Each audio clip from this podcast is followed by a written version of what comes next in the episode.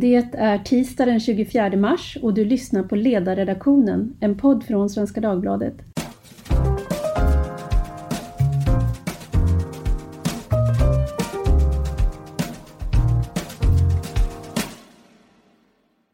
Jag heter Tove Livendal och idag ska vi tala om Storbritannien, det land som svenska myndigheter länge framhöll som ett föredöme.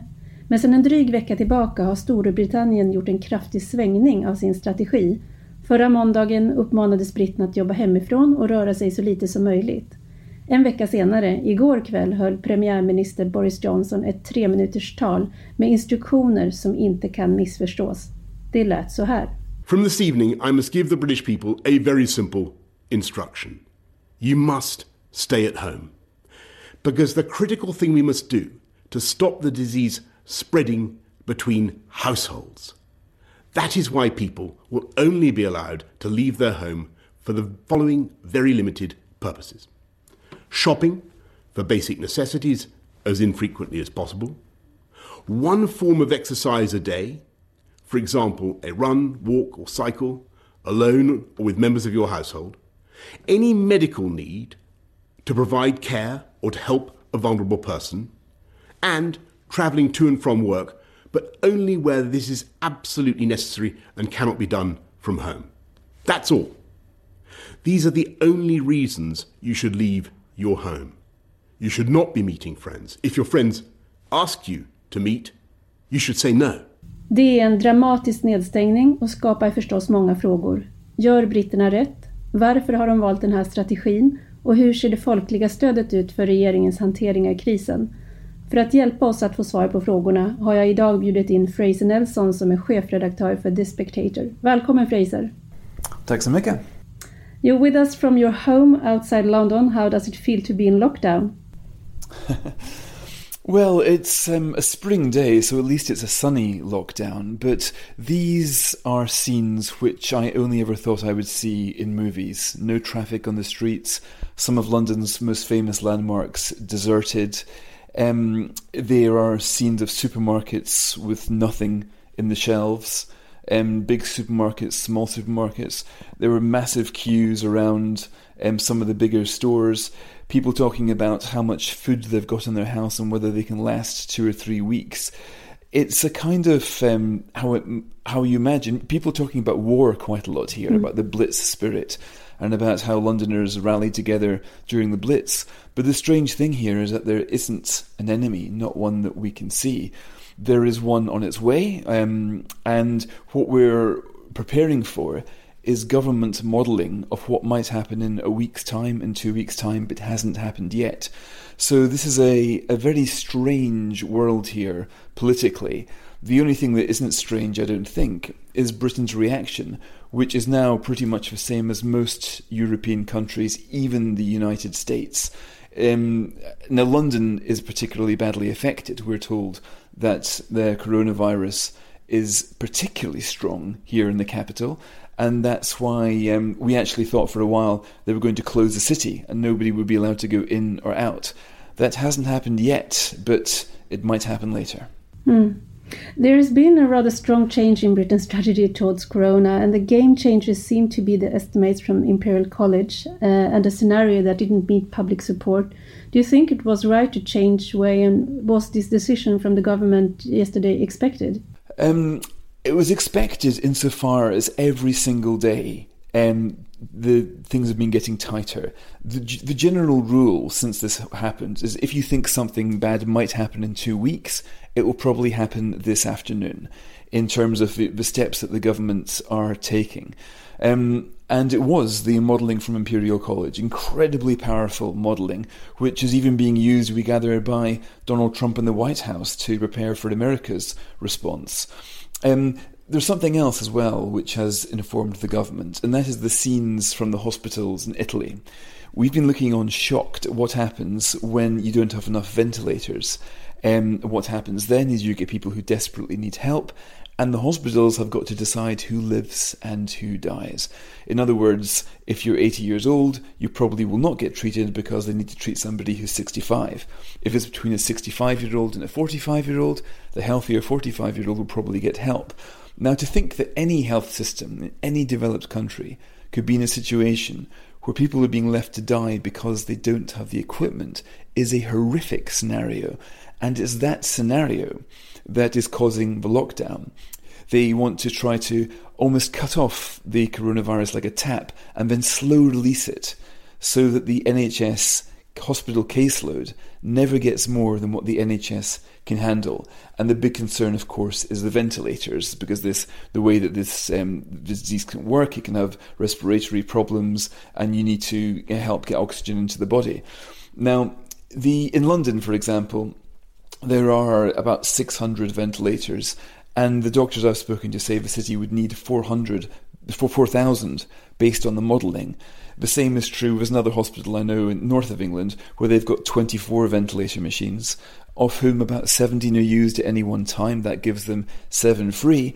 And the modelling they've seen, again, this is the Imperial College modelling, suggests that they could need hundreds more ventilators. So they, what we're looking at is, in theory, something that would not just overwhelm the UK National Health Service, it would overwhelm any health service in the world if it proceeds along the lines that the modelers imagine. And I have to say that that remains quite a big if at this stage. Mm. Yeah, because it's we're, we're it's having an, an, equation with a lot of x in it, and you can't really. There's no one who, who have uh, ha, have the right answers to to make us sure of what we are dealing with. That's right, but the other thing is that we're also not quite sure what the X is. I've just been speaking to a, um, a, um, a, senior NHS consultant who said that he's been trying to find out how the Imperial College got to their assumptions. He says that they, it's not clear, it hasn't been peer reviewed, and he's quite nervous about the whole country being put into lockdown on the basis of some very rushed sciences. Now, of course, this is going to be rushed. We're talking about a disease that people didn't know existed until a few weeks ago. But um, as he put it, rushed science is normally bad science. And right now, huge decisions are being made um, world over on very immature science. We still don't quite understand why the mortality rates are 0.4% in Germany and 9% mm. in Italy. It doesn't make sense.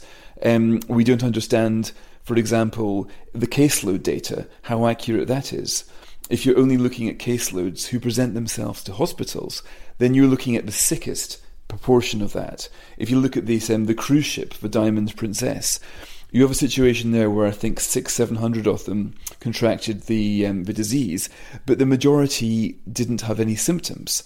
So there's so much we don't know about this. We don't know how much is worse than a seasonal flu. We don't know how many people don't even notice that they've got it we do know that of those who present to hospital, um, it's got a far greater morbidity rate for those who are older, over 70, over 80, than it does for those who are younger than 60, for whom the mortality rate is 0.2%. But the picture is not just incomplete, there are only two or three fragments of this picture right now. And the national response in Britain and around the world is based on an estimate of what that picture will look like once it's completed. Um, we're getting little bits of data coming in all over the world right now, but still the picture is nowhere near complete. Hmm. And these enormous measures, I mean, the hope is, as you said, it will slow the spread of the disease. Uh, but uh, and that is the political will. Another is the public will. Do you think people will obey these instructions why or why not? Um, for the moment, I think that they will. I've actually seen an astonishing amount of compliance, really, from the British public. Uh, Brits, um, as Boris Johnson said when he closed the pubs, there is something fundamentally un English about this the inalienable right to, to go to the pub. And given that Britain is a, a country that doesn't really like obeying um, orders from authority, I think people have worked out that, first of all, that we don't really know what's happening. The government can only make its best guess, and it's acting on the best scientific advice. I think the government's been quite honest about what it doesn't know as well as what it does. And I think that has, um, this admission of doubt has actually increased confidence in what the government is doing. It also stands to reason that if there is a disease that's going on which could have could have a one in five chance of killing older people who acquire it, then of course it makes sense not to visit your relatives, to make sure that they self isolate, because if they don't meet anybody, they can't catch it. This is transmitted overwhelmingly from human to human. Um, now, the question is how long this can last for. And there's another question that right now, if you go back to my analogy of there being only fragments of this picture, if we get more fragments in the next week, two weeks, three weeks, and it emerges, for example, that the this is way more widespread than people thought, but the people who have got mild symptoms or no symptoms is a far bigger proportion. Maybe it could be even ninety percent more than the eighty percent that we we saw in China. Um, how long will young people stay inside in London, for example? A lot of these young people might prefer catching coronavirus to staying inside and putting their lives on hold. Now, this isn't a question of lives against money. Um, Larry Summers in the US was quoted in the Wall Street Journal this morning as saying this this, this isn't about lives versus um, dollars. I mean, he's right. This is about lives versus lives because of a lockdown as well is having a really bad impact on the economy and on education. I just cannot believe here that we've closed down the, the schools in England. Um, it's a remarkable measure, one I never thought that I would see. And when you look at the pandemic plans, the government always assumed that only in the worst possible pandemic would it close the schools because of the damage this inflicts on the education of people. The richer people, the middle class households, are well kitted out to do um, to, home, to homeschooling. Um, but single parents, remember, one in five children in Britain is brought up by a single parent. How they would manage to homeschool, how they would manage to keep their job going under these circumstances. We're talking real economic and social damages being inflicted here. Um, you're also looking at the denial of health service, normal health service It's a brave person who will go to a hospital right now in Britain. You're going to get people who need mental health treatment who won't be getting it as much, who need ordinary health treatment aren't going to be getting it as much. The when I talk to my friends here, the, the, what they're worried about isn't really catching the virus.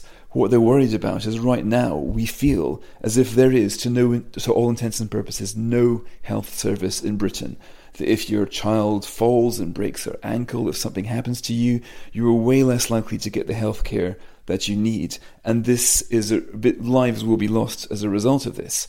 So right now, people are prepared to stay home. They're prepared to take the government advice. They're prepared to give the government the benefit of a doubt. But I'm not sure how long this will last for. I'm certainly not sure it will last for 12 weeks. And especially, I think resolve will weaken if data coming in from all around the world shows that the, um, the coronavirus is not as lethal as people first thought.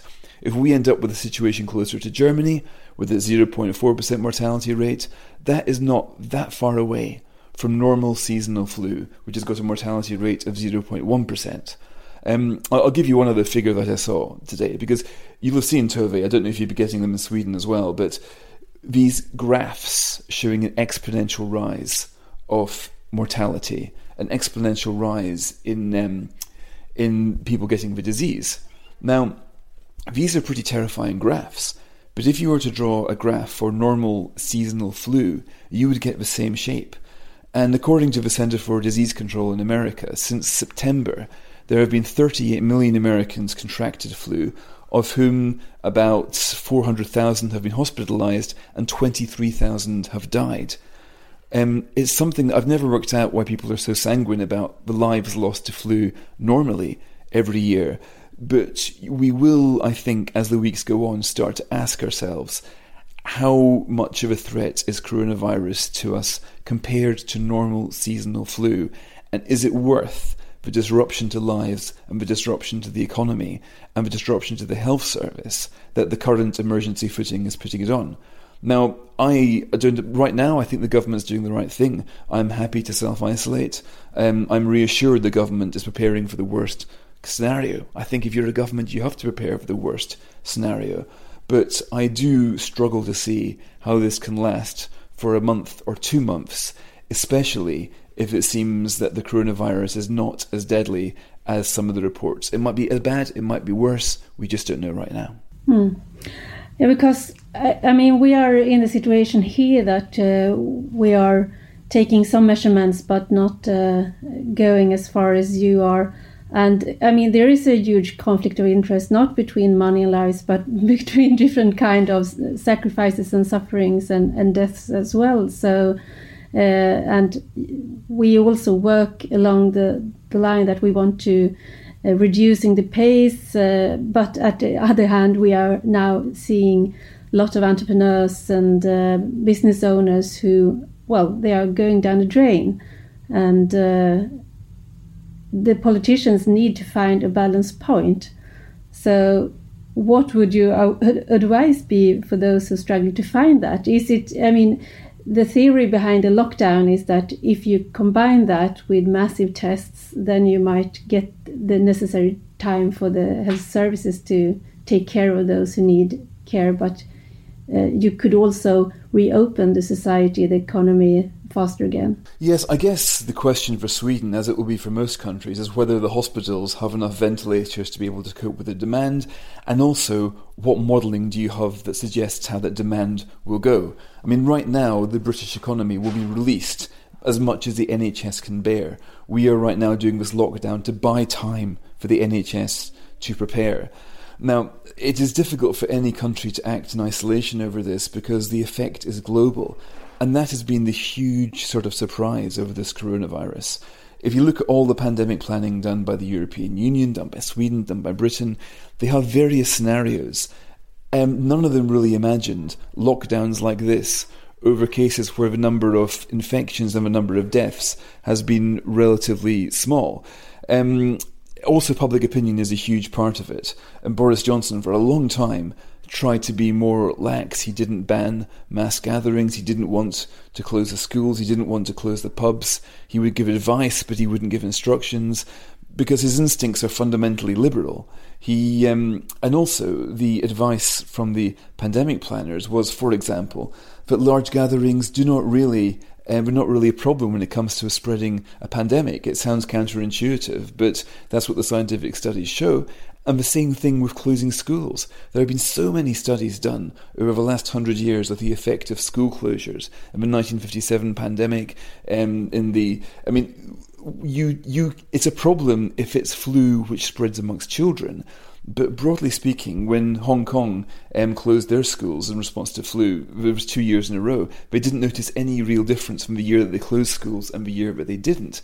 So if you were to only to look at the science, you would probably keep being quite liberal. But in politics, it's not just the science, it's not just the policies. There are public opinions, there are public pressures.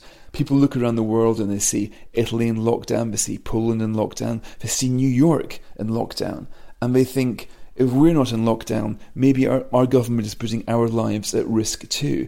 It's a very brave government that tries to, to ride this out.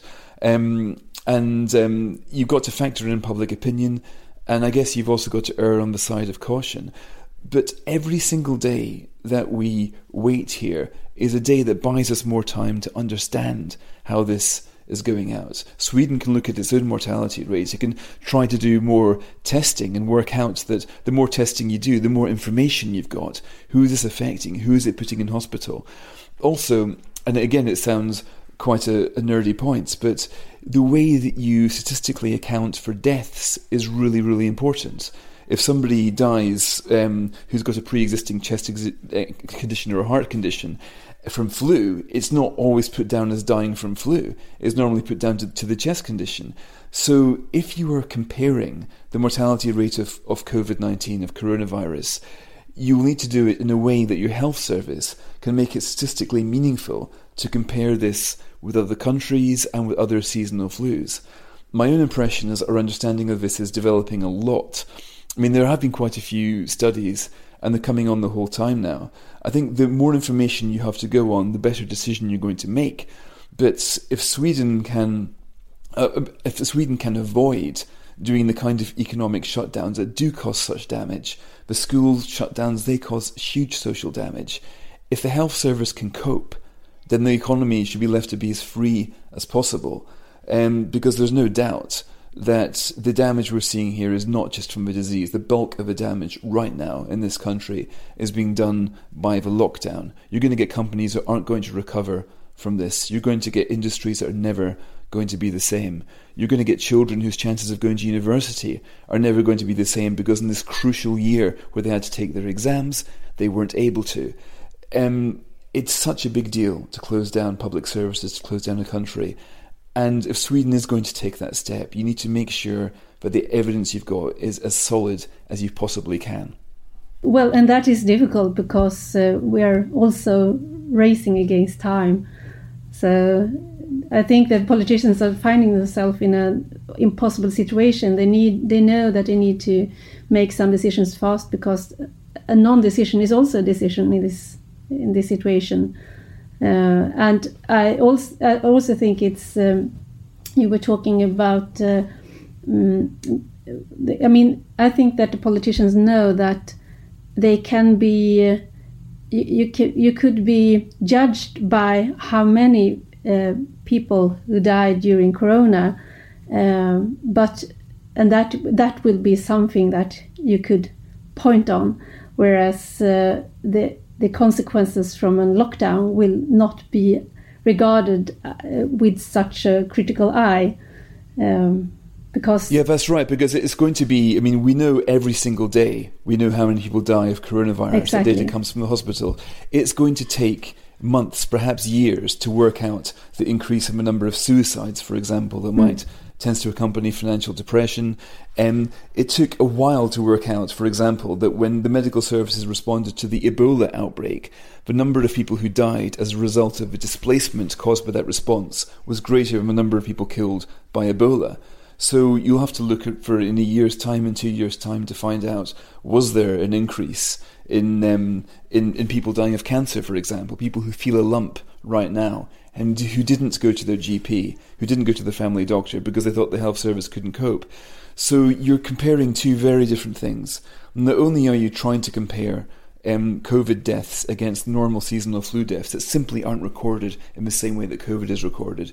You're trying to balance, on one hand, the deaths from coronavirus and the deaths from the response to it, which will be clear in one year, two years, three years' time, and even then, they will be estimates rather than the um, the clinical um, deaths right now. I would, you know, there's so many. I'm a political commentator, and there are so many times where I think I would just hate to be in this impossible position. I would err on the side of caution in the same way that Boris Johnson has done. Um, and I, I, can't say I, I, wouldn't I couldn't really criticize the government's response. We are in a situation where there is so much unknown, so much uncertainty, and you basically have to gamble to jump which way will cause the least harm to my country. And this is the way that he's jumping right now. But I think that governments everywhere should stand ready to change the position as we get more data, as we get more science, and as we get a better understanding of this virus. Mm. According to today's figures from John Hopkins Institute, United Kingdom has 6,733 confirmed cases, placing it as number 10 in the world and Sweden is currently at number 17 with 2,059 confirmed. UK has 135 recovered, Sweden's got 16. But we really don't know, do we? The problem with these figures is that they're so unreliable. I mean, the British um, chief scientific officer admitted a few weeks ago that when Britain only had 500 infections, he said, look, the real figure is probably between 5,000 and 10,000. These are only the figures that we're testing in hospitals or testing in um, other centres. We are not testing the wide population, therefore, we have got no idea. And that multiplier is very interesting because if it is the case in Britain that the actual number of cases is between 10 and 20 times the number of clinically diagnosed cases, that also has implications for the mortality rate. It might not be quite as high as the 4% that we said. Um, a few days ago, the um, the, the deputy um, chief medical officer was in the press conference of Boris Johnson, and she was saying, yes, Italy's uh, mortality rate is 9%. Our official rate here in Britain is 4%, but we think it's really 1%. Mm. Now, in a way, that sounds crazy. How could you have an official rate of 4% that you thought was really 1%? And the answer is because they're still unsure of the data. You've got to, as a percent of what? And if you think there are large number more cases than you've actually diagnosed, then that mortality ratio falls a lot. And this is a problem. We are getting, the John Hopkins University is providing brilliant data, which is being used the world over to try to understand it. But take South Korea, they've done mass testing, they've managed to get lots of kits, and they've got quite a, a, a low ratio. But the real puzzle is Germany. Germany hasn't done that much testing. And yet, it seems to the coronavirus cases seem to be pr- most prevalent amongst younger people, the 20s, 30s, 40s, and they have got a very low mortality rate. So the difference between Germany and Italy is night and day right now. And I think Britain is watching this thinking, who are we going to end up like? Are we going to end up like Italy or Germany? There was a study done by scholars in Warwick University a couple of weeks ago where they did a demographic study of Europe and they were predicting that Italy and Poland would be worst affected because they've got some of the oldest populations. The least affected, they thought, would be um, Britain and Germany, and also Sweden is a relatively young country too. Now, again, we just don't know how much a country's demography is a factor because Poland has not so far been hit very hard um, by this crisis. But right now, the, the numbers can or risk offering the wrong sort of certainty. They might seem to make out as if we know more about this than we do.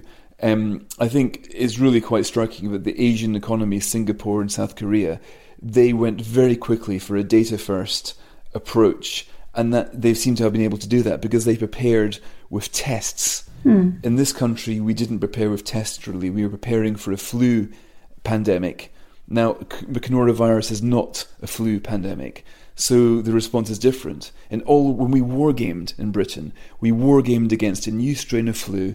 And the thing about flu is you can always get a vaccine, normally within six months. So then you protect the country and everything goes back to normal. But with coronavirus, there is no vaccine. There's unlikely to be one for 18 months. I was talking to a friend of mine who works for the NHS. They're they're expecting a big assault this weekend. They're expecting, if it hits Britain, it will hit Britain hard this weekend. My friend, who's a doctor, was saying that his gut feeling is that we're going to end up living with this in our country. We will not be able to contain it, but we'll start to normalize it in the same way that we normalize flu and have to learn to live with coronavirus because he doesn't think we're going to be able to defeat it. Fraser Sweden was for a while then together with Great Britain in the strategy of uh, aiming for a slow reached herd immunity. And uh, is this a still a debate in Britain? It has been a big debate here. If this is, uh, if you're placing the collective towards the individual concern, has that been a huge debate in your country? It, herd immunity has been a big controversy over here. The um, the chief medical officer used the phrase herd immunity, and all of a sudden people thought, "Hang on, is that the government strategy? Does the government intend to let sixty percent of his country get infected by the disease, and therefore let tens of thousands of people die?" And this created a big backlash. Um, it seemed a very callous strategy to take. And to be honest, the phrase herd immunity it was, you know, this is the problem when you put scientific and medical officers up in front of journalists. They start to use phrases that make sense in the scientific world, but can cause huge panic in the political world. Now, what they were trying to say was that the British pandemic modelling imagines that it'd be pretty difficult to to repress uh, a disease within any particular part of the country, and that it's going to have to spread. But once it spreads a certain amount, then it won't spread anymore. That it will peak. This is one of the theories about coronavirus going on right around the world right now, that it will effectively peter out, that it doesn't keep on spreading and spreading. Even in the, the Diamond Princess cruise ship in them, uh, that's still moored off Japan. Um, not everybody on that ship got it. it was, um, and that was a pretty big outbreak. But yes, the herd immunity thing has been very controversial. Um, and the government has been basically moved to follow the example of China. And it's strange, only a few weeks ago, we were looking at China locking down a city and thinking, isn't it incredible in this communist country they can lock down a whole city? It couldn't happen here. And within a matter of days, it is happening here. It's happening to London. Um, I'm living in a locked down city right now. I'm told by the government that I can go out to exercise only once, and it doesn't even seem to be the most important thing right now. That's a strange thing. The big question is if, if we are going to if we, if we're going to be facing this onslaught of the National Health Service in a matter of days, or if we aren't. And the thing is, there is no correct answer to this. I don't think there's anywhere around the world. I mean, in Singapore and South Korea, they've done better because of the tests, but governments just have to guess, and countries and populations have got to accept that the government has got to guess. And we can all just hope that it's the right answer. Hope and pray. And I guess that's what we're all doing now. Hmm. And with regards to both your and my publications' roles in these crises, how do you so far judge the contribution made by media? I mean, there is this expression published and be damned, that is one thing, but publish and spread panic or publish and mislead is another. What do you see as the large challenges for our um, profession ahead? I, I think that the media, probably all over the West, is going through a period of self censorship right now. Um, there will be people who are furious at the idea of a lockdown, but publications, by and large, are, are reckon that they've got a role to play um, when there's national panic and to try to, to, to, to, get to get around it. Though it's difficult, of course. Though it's not the job of any newspaper to back or applaud the government. Um, and right now, um, in The Spectator, for example, I've just been given a, a very interesting essay, a 3,000 word essay, by a, um, a retired professor um, of immunology who has got deep criticisms of the government's policy. Um, now, we are going to publish it, um, but I'm aware that it's going to be controversial a lot of people were saying that we'll, we'll, we'll, be accused of gaslighting, we'll be accused of trying to undermine the government and national effort. But there, I think at the moment, it's more important than ever. The publications do scrutinise government policy, they scrutinise the science, they scrutinise the policies, uh, the assumptions on which the policies are made, and ask as many questions as possible. I think you can ask questions in a way that isn't irresponsible and isn't alarmist. I think there's a balance to be struck there. And if anything, in times like these, with decisions being made that will affect so many millions of people for so many years, you need rigorous scrutiny now more than ever. Um, and I think that will be the job of the press to scrutinise, to keep doing it, but in a way that doesn't um, spread either panic or doesn't um, basically discourage um, people from following the collective advice. I mean, you aren't getting any papers saying don't listen to the government, go out in the park, it's fine. You're getting some um, people questioning whether all of these things were necessary, quite right too.